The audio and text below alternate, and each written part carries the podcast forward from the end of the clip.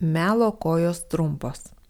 Istorija iš knygos Pinigai ir kiti gilučių šeimos reikalai. Gilučių šeimoje yra viena tema, dėl kurios mama su tėčiu niekaip nesutarė. Agnė sako, kad už kambarių tvarkymą mokėti nereikėtų, o Benas mano, kad tai puikus būdas vaikams užsidirbti. Kai buvo mažas, iš savo tėčio Benas gaudavo pinigų už idealiai susitvarkytą kambarį. Jam tai labai patikdavo, todėl dabar jis duoda po 2 eurus Odriai ir Majui, kai jie susitvarko kambarį. Agniai tai atrodo vaikų lepinimas. Ji niekuomet negaudavo pinigų už varų ir tvarkingą kambarį. Jos kambarys ir taip visada būdavo švarus. Ir dabar Agnė labai mėgsta tvarką, todėl dažnai klausė Beno. Brangusis, ar užuodi kaip kvepia namai?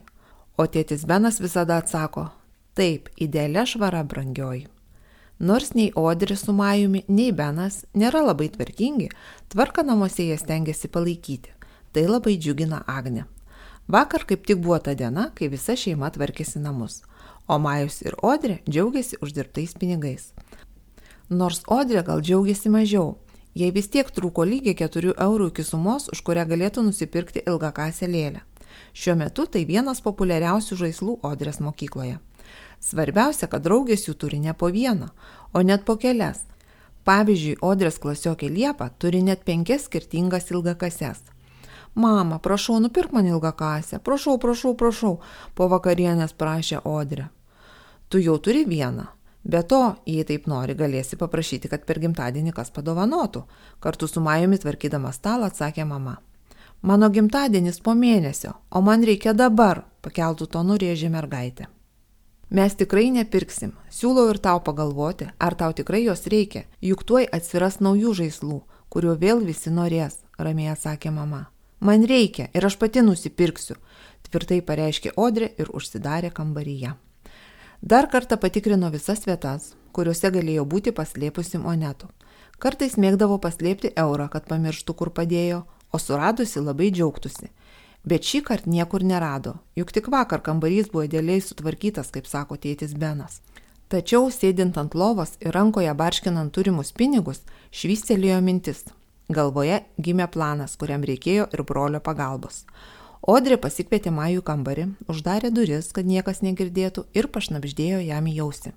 Norėtum lengvai užsidirbti pinigų traktoriukui? Tai buvo lyg raktažodis, kuris visada veikdavo prašant Majos pagalbos. Noriu, noriu, suriko tas, o Odrė bandė įtildyti, kad niekas nenugirstų. Po keliolikos minučių pirma plano dalis buvo įvykdyta. Odrės ir Majos kambarys atrodė lyg uragano nusioptas. Visi žaislai išvartyti, knygelės išmėtytos, kojinės skirtingose kampuose. Vaizdelis labai nepatiktų mamai, bet plano dalis buvo pakviesti tėti. Tėti, tėti, ateik truputį, brolis ir sesė toliau vykdė savo planą. Pamačius kambario vaizdą, Benui netakis ant kaktos iššoko, bet Odrė greitai jį nuramino. Tėti, mums buvo labai smagu žaisti ir mes viską galime idealiai sutvarkyti.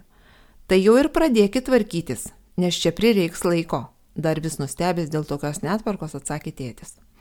O tu nepamirši mums duoti po 2 eurus gerai? Pasitikslino plano sumanytoja. Gerai, gerai, nueidamas sumurmėjo tėtis. Po valandėlės kambarys vėl buvo kaip buvęs.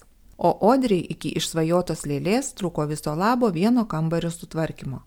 Planui pavykus, ji jau buvo sumaščiusi viską pakartoti.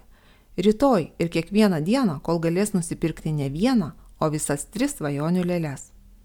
Kitos dienos vakare, tėvams grįžus iš darbų, vaikams iš darželių ir mokyklos, Odrė vėl pakvietė Majų veikti. Kambarį sujaukė dar baisiau nei anadien. Rūbai kabėjo ant lempų, visi žaislai gulėjo vaikų lovose, knygų lentyna stovėjo visiškai tuščia, per visą kambarį buvo išberta galybė kaladėlių. Tėvelė, ateik pas mus, chorų per visus namus šaukė Odrė ir Majus. Tačiau šį kartą tėtis atėjo kartu su mama.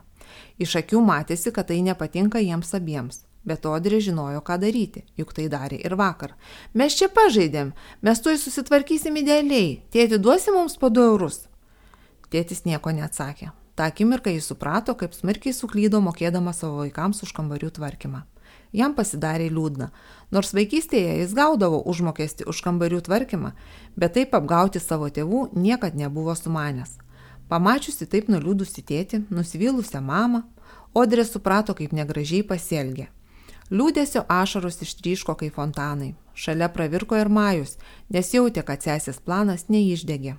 Likusi kambaryje, Agnė tvardė pykti, nežinojo, kad tai bus didelė pamoka visai šeimai.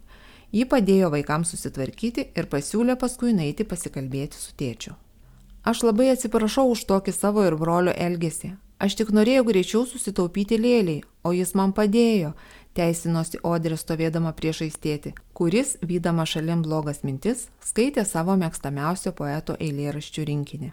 Nenorim, kad tu pyktum, nenorim, kad liūdėtum, todėl atnešėm vakar ir už vakar uždirbtus pinigus, norim tau gražinti ir pasakyti, kad labai atsiprašom, tęsė mergaitė.